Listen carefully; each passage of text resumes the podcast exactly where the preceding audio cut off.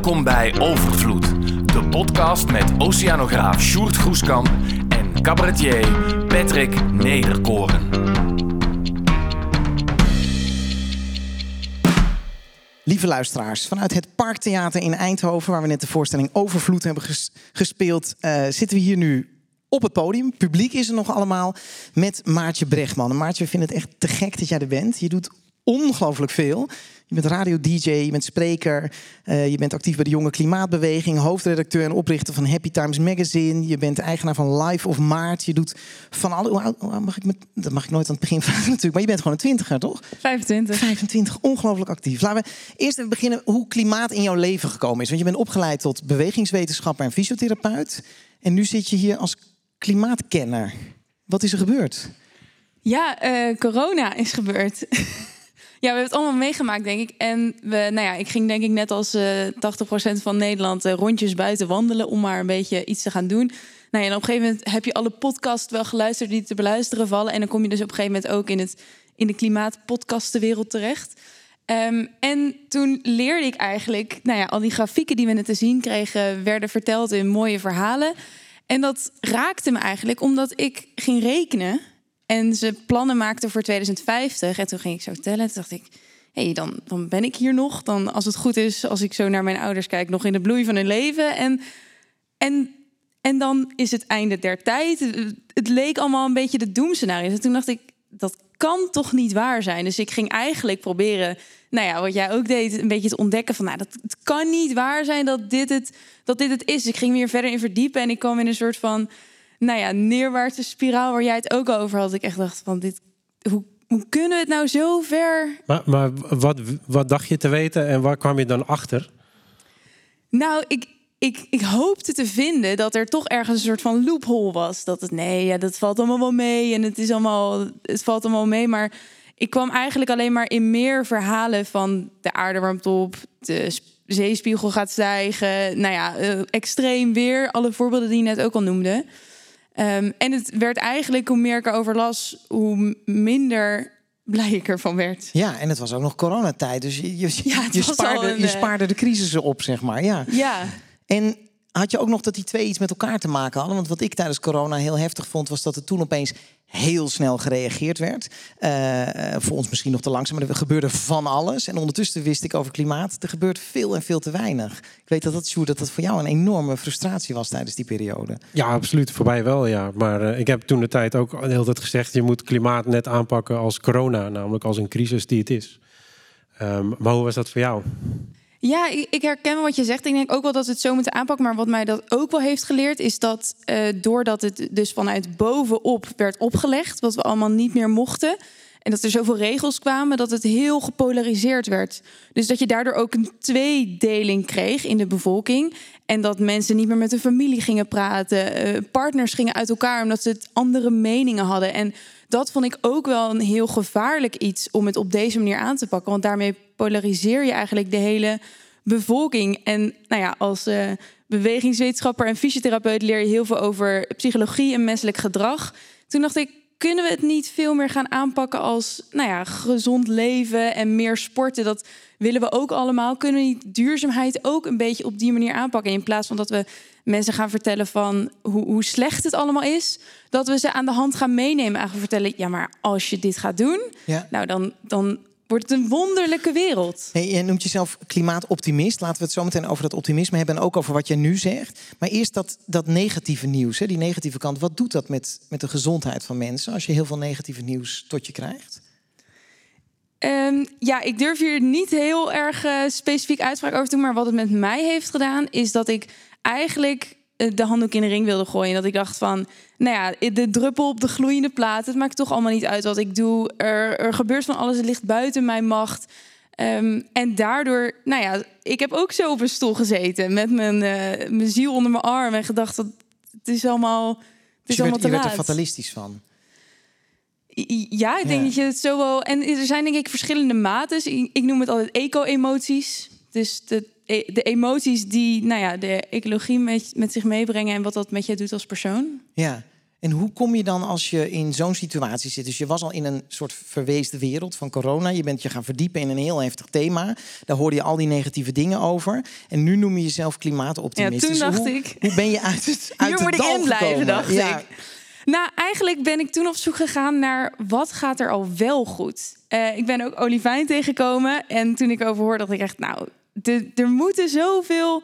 Er zijn op zoveel verschillende vlakken zoveel mensen, bedrijven, organisaties bezig om het probleem aan te pakken. Op hun eigen stukje, op hun cirkel van invloed, waar zij heel goed in zijn, waar zij expertise op hebben. En het gebeurt op zoveel vlakken, maar we zien dat niet. Dus we zien wel wat er allemaal niet goed gaat en hoe slecht het gaat en waar we op afgaan, maar we zien eigenlijk helemaal niet dat er al best wel wordt gebouwd aan die duurzame toekomst. Ja. En toen ik me dus daar ging verdiepen en met, met die verhalen ging omringen, toen dacht ik, hé, hey, maar als zij dit doen en zij doen dat en zij doen dat en zij doen dat en ik doe dit, nou dan zou het zomaar nog wel eens goed kunnen komen.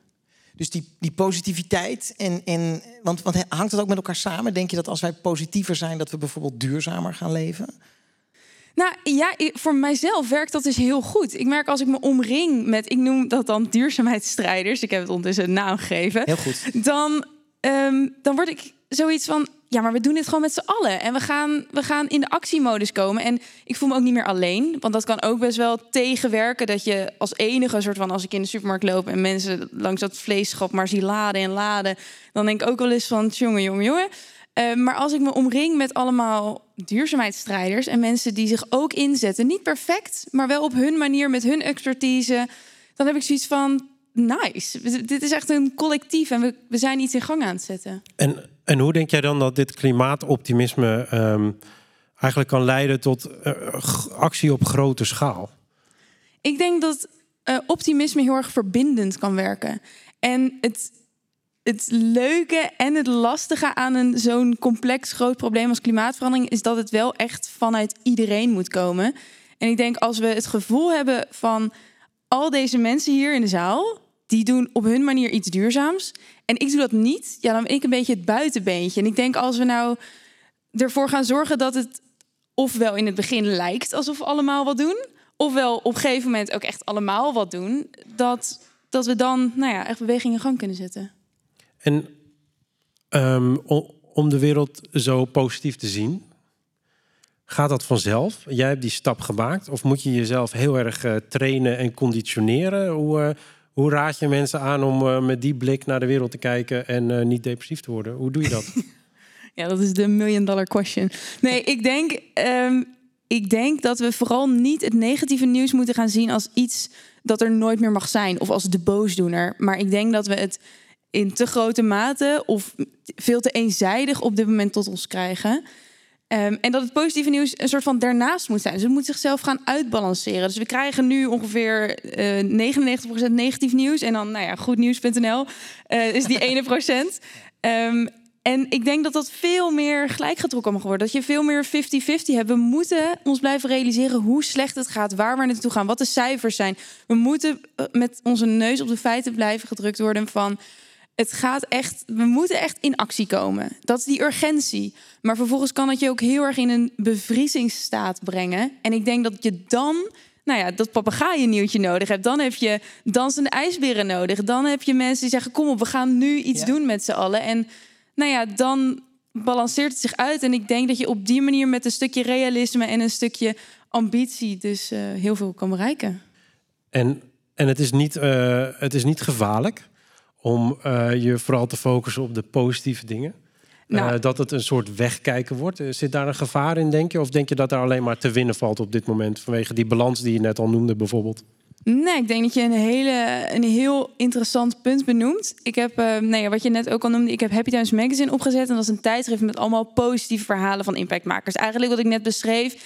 Wat mijn doel daarmee is om echt, als je dat open doet, dat je denkt van wow, ik ben de enige die nog zich niet inzet voor klimaat. Eh, op alle verschillende vlakken, op alle verschillende thema's komen er mensen aan het woord die echt hun leven ofwel radicaal hebben omgegooid, ofwel kleine stappen zetten om ook bij te dragen aan die mooiere wereld. En dan wil je daar echt bij horen. Het gevaar is de toxic positivity. Dus het, het doorslaan in je positiviteit. Dus ik heb wat klimaatpsychologen Dus even gesproken. nog een keer toxic positivity, ja? Toxic Dus, positivity. dus dan wordt het giftig op een gegeven moment als je alleen maar positieve dingen hoort. Ja, dan, dan is het een, een, een coping, ja, een, een manier van eh, je wegkijken Een eigenlijk. soort eh, psychologische greedwashing voor jezelf. Ja. Wat wou je zeggen? Je hebt veel wetenschappers gesproken. Nou, ik heb klimaatpsychologen gesproken. Ehm, en die zeiden van al dat positiviteit, dat is supergoed. Daar geloven we ook heel erg in. Maar mensen hebben emoties. Heel stom, heel gek, wist ik ook niet. Eh, kijk toch jou aan. Heel goed. Ik ben hartstikke autistisch. eh. Lu- Luisteraars snappen het niet, maar dat laten we zo. Ja. Nou ja, en zij zeiden: laat nou ook dat stukje gevoel en die emoties erin terugkomen. Dus eigenlijk heb ik samen met hun besloten: er komt als je dat magazine open doet, dan beginnen we met een rouwhoekje. En dat klinkt een beetje zwaar, maar het is eigenlijk een plek waarbij je gewoon heel even op die stoel mag zitten en even het er allemaal mag laten zijn. Even, je mag, je mag boos zijn, je mag verdrietig zijn, je mag rouwen. Ja. Je mag al die gevoelens die er in jou zitten, die hebben wij ook. Die alle duurzaamheidsstrijders die zich iedere dag met een grote glimlach bomen aan het planten zijn en zonnepanelen op daken aan het leggen zijn, die hebben allemaal ook deze gevoelens en deze emoties. En dat is ook oké. En dat is ook misschien wel heel logisch. Dus ik denk dat je heel erg die positiviteit in samen moet zien met je mag dus in positiviteit handelen. En je mag daarnaast ook erkennen dat het gewoon een hele lastige, moeilijke, bizarre situatie is. Als, als we heel even op het tijdschrift doorgaan, komen we zo meteen op, op eh, hoe je dat zelf in het dagelijks leven doet. Maar je, je zegt iets over die, die rouwhoek. Wat, wat staat er verder in, in dat tijd? Het is allereerst, dat moeten we misschien eerst noemen, Happy Times Magazine is het eerste boomvrije magazine eh, ter. Nou ja, in Nederland weet ik 100% zeker. En waarschijnlijk ter wereld. Dat is al fantastisch. Dus je zorgt ervoor dat ook het maken van het tijdschrift enorm duurzaam is. Wat komen we daarin in tegen? Wat voor verhalen? Heb je iets waarvan je denkt, nou, iedereen die hier net de voorstelling gezien heeft, die gaat toch positief door dit nieuws naar huis?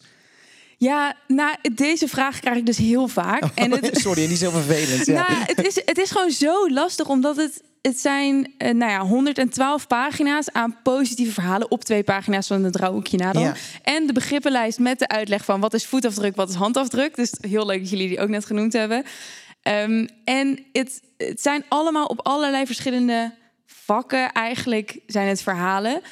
Ehm, die ook geschreven zijn, niet alleen door mijzelf. We hebben echt een heel team met 20 plus schrijvers die allemaal in hun eigen expertise zijn gedoken. Mensen hebben geïnterviewd om nou ja, dat naar voren te brengen. En wat ik zelf, eh, welk interview ik zelf heb gedaan, wat ik heel inspirerend vind, is twee meiden van eind 20 die een kantoorbaan hadden en een, een, een gewone baan, universiteit gedaan of HBO, daarna eh, in het werkveld terecht zijn gekomen.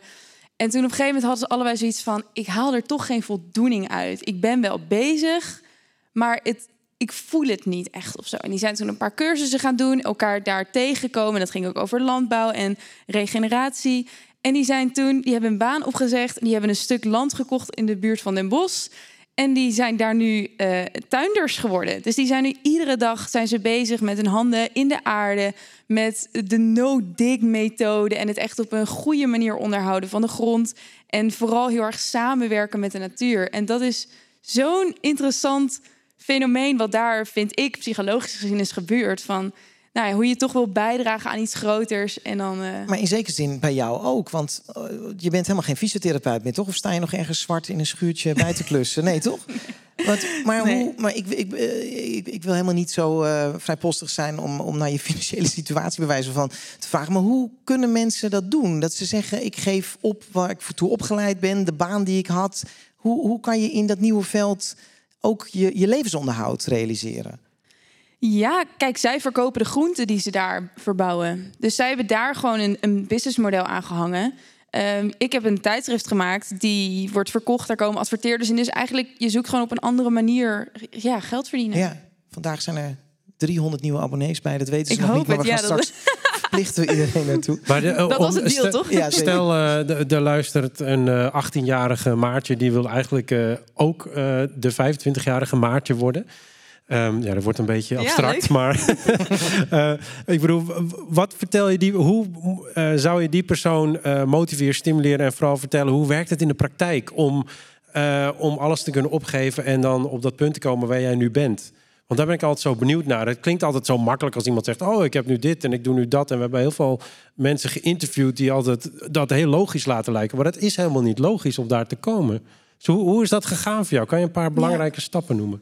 Voor mij was het niet zozeer iets opgeven, maar iets creëren wat super waardevol was. En ik heb, ehm, ik heb vier maanden, wel geteld, gewerkt als fysiotherapeut. um, ja, dus het is een beetje om te lachen. Um, Hoeveel slachtoffers zijn er gevallen? in, in die vier maanden heb ik um, twee maanden daarvan heb ik gewerkt. Dat heb ik besteed aan mijn reis. Ik ben vervolgens drie maanden gaan reizen door Zuidoost-Azië.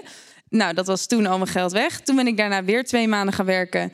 Uh, met dat contract heb ik een appartement weten te huren. Toen ben ik in mijn proeftijd gestopt. Uh, en met dat, met dat geld van die twee maanden kon ik weer nou ja, twee maanden nog overbruggen om een soort van plan te bedenken. Oké, hoe ga ik de rest van mijn leven? Maar de, het, het feit was, de situatie was zo dat ik. Ik wilde al zo graag iets anders. En ik wist gewoon niet hoe of wat. Maar doordat ik net comfortabel genoeg was in de situatie waarin ik zat, verander je het niet. En dit is een psychologisch dingetje. Maar als het als het comfortabel genoeg is, dan veranderen we niet. Maar op een gegeven moment kom je op een punt, dan is het de werkelijkheid op dit moment is, ja, is zwaarder dan de verandering aangaan. Dus ik zat op het punt dat ik dacht van ik, ik verander liever en mensen veranderen echt niet graag. Ik verander liever dan dat ik in deze situatie blijf. En dan is het eigenlijk heel makkelijk. Dus het was intrinsieke motivatie eigenlijk. Ja, en ook wel het. Gecombineerd met lef. Ja, en ook wel het, het voor ogen zien van hé, hey, het kan echt anders. En ik, doordat ik dus superveel podcasts had geluisterd, boeken had gelezen, mensen had gesproken die dus al die verandering hadden gemaakt. En die zeiden van. Het voelde een beetje alsof ik over een rivier moest springen, maar ik zag de mensen aan de overkant dansen. Hmm. Mooi beeld. Hey, en je zei net al ook over die twee meiden, het levert ook voldoening Dus je kan ook nu in iets zitten, het leven wat je nu leidt, dat geen voldoening oplevert. Op welke manier, want je, je bent eigenlijk ook wel een pleitbezorger van dat we kleine stapjes in het dagelijks leven moeten zetten hè, om duurzamer te worden. Op welke manier leveren die kleine stapjes voldoening op? Ja, ik, toen ik dus zelf een beetje met mijn ziel onder mijn arm liep, toen dacht ik: oké, wat kan mij nou helpen om hieruit te gaan komen? En toen, um, ja, ik ben ook redelijk uh, theoretisch uh, opgeleid en heel theoretisch denkend altijd. En toen ben ik wetenschappelijke artikelen gaan lezen. Hoe kan je um, van, van, pessimisme naar positief, positiviteit uh, gaan? En er waren eigenlijk, als het gaat dan om klimaat heel specifiek, waren er een paar dingen die hielpen. Nou, één daarvan was positief nieuws lezen. Uh, dus nou, toen ben ik me dus gaan verdiepen in wat gaat er al wel goed. Uh, en ook één daarvan was doe iets. Doe in elk geval alsof je, alsof je bijdraagt. Ook al is het misschien helemaal niet waar, ook al ben je de druppel op de gloeiende plaat. Als je iets doet, dan heb je het gevoel, ja, maar ik deed wat ik op dat moment kon. Ja, niet zozeer eh, laten zien alsof je iets doet, maar, maar doe een klein dingetje, zeg maar. Het zal geen grote verandering zijn, maar in je leven is het wel iets anders. Wat zijn dan dingen die jij anders bent gaan doen? Ja, ik kwam er eigenlijk achter dat ik al best wel duurzaam leefde. Um, dus dat was een klopje op mijn schouder. Ik ben lekker bezig. Um, wel ben ik een aantal dingen meer bewust van geworden. Dus ik vloog eigenlijk bijna nooit. Uh, maar toen dacht ik, oké, dit is dus wel iets wat ik principieel dus in principe niet meer ga doen. Ik at al geen vlees. Toen dacht ik, oké, dan ga ik dus uh, voor zoveel mogelijk plantaardig. Um, en zo ben ik eigenlijk op alle verschillende stappen... Nou, ik ben wel gestopt met fast fashion kopen. En uh, dat kan gewoon allemaal tweedehands of duurzaam. En nou ja, eigenlijk op alle verschillende vlakken ben ik gewoon gaan kijken, wat doe ik al? Hoe zou het in de ideale situatie zijn en wat is daar nou nog te overbruggen? En ik, ik zeg in de voorstelling tegen Sjoerd dat het beter is als hij niet meer naar verjaardagen toe gaat. Hoe, hoe, is, hoe is dat bij jou? Kan, je omgeving er goed mee omgaan? Nou, het is heel grappig. In het begin dat ik me heel erg in klimaat verdiepte, was het dat inderdaad mensen zich altijd een soort van gingen biechten als ik uh, binnenkwam. ja. Oh, sorry, ik ben met de auto. Oeh, ja, vind je het goed dat ik plakje salami eet? Of ondertussen, ondertussen um, weten ze dat ik, uh, dat ik heel erg optimistisch ben. Dat ik, ik zal nooit met een vinger wijzen van uh, jij bent of dit kan echt niet meer. Dus wat is er gebeurd? Mensen komen naar me toe en ik krijg letterlijk foto's via WhatsApp van mensen als ze een vegaburger eten of als ze in de trein zitten. Kijk hoe goed ik bezig ben. ik, ik, ik heb geen plakje salami genomen. Heerlijk, ja. Hey, eh, oh ja, sorry. Zullen we het even groter trekken ehm, naar het wereldtoneel? Want ehm, eh, je bent nu heel erg nog in Nederland bezig natuurlijk. Maar als onderdeel van de jonge klimaatbeweging ben je recentelijk ook eh, naar de eh, klimaattop in Dubai geweest.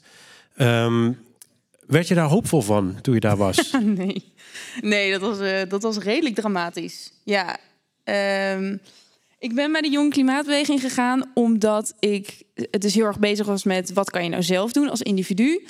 Ehm, ik gaf ondertussen al af en toe workshops en lezingen over hoe je optimisme in eh, klimaat kan toepassen en al je werknemers mee kan krijgen om ook duurzamer te gaan. Als er dan, zoals CSRD, allemaal wetgeving aankomt van we moeten allemaal duurzamer.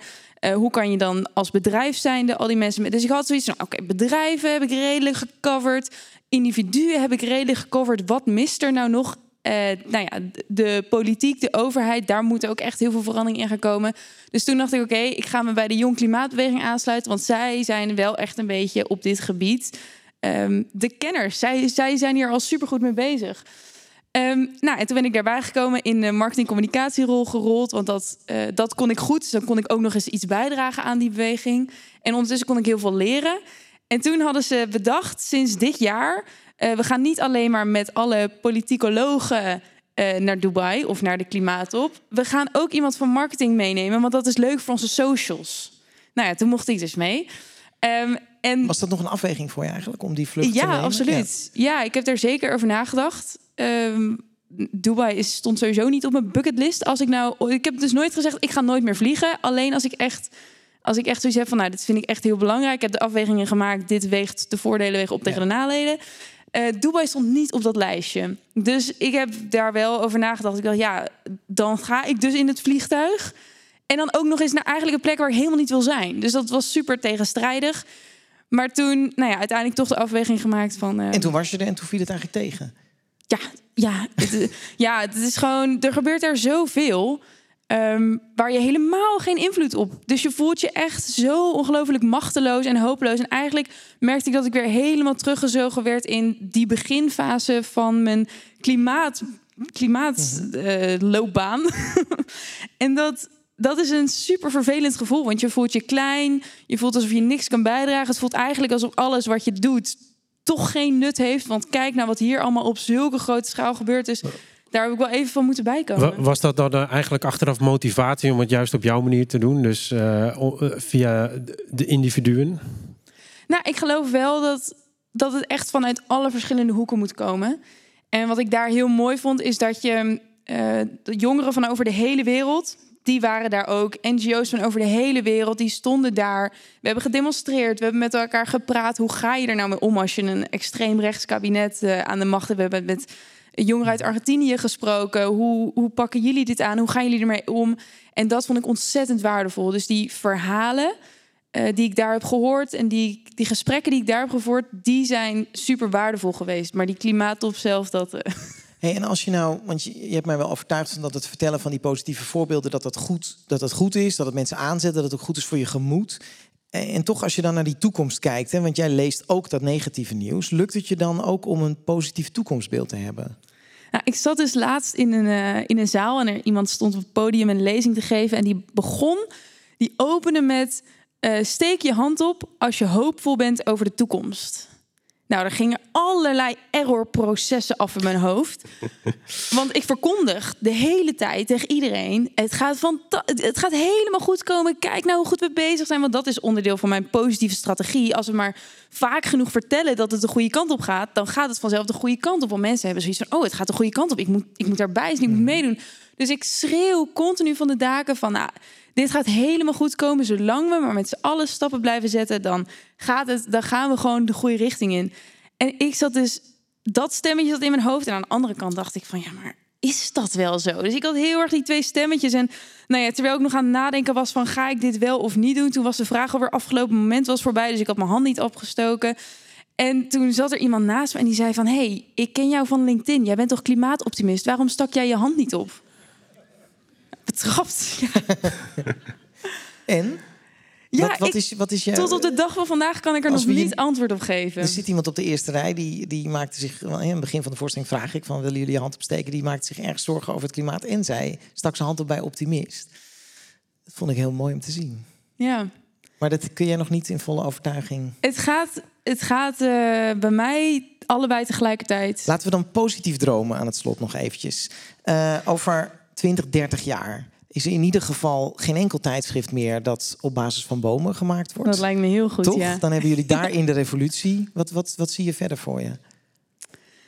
Ja, ik, ik hoop gewoon heel erg dat we met z'n allen gaan samenwerken aan dingen die er echt toe doen. Ehm, en dat we, dat we veel meer ook elkaar gaan schouderklopjes gaan geven voor eigenlijk wat al wel goed gaat. In plaats van dat we vingertje gaan wijzen wat nog niet goed gaat. Want bedrijven wijzen naar overheid, overheid wijst naar individuen, individuen wijzen weer naar bedrijven. En zo blijven we maar in een soort van visueuze cirkel niks doen.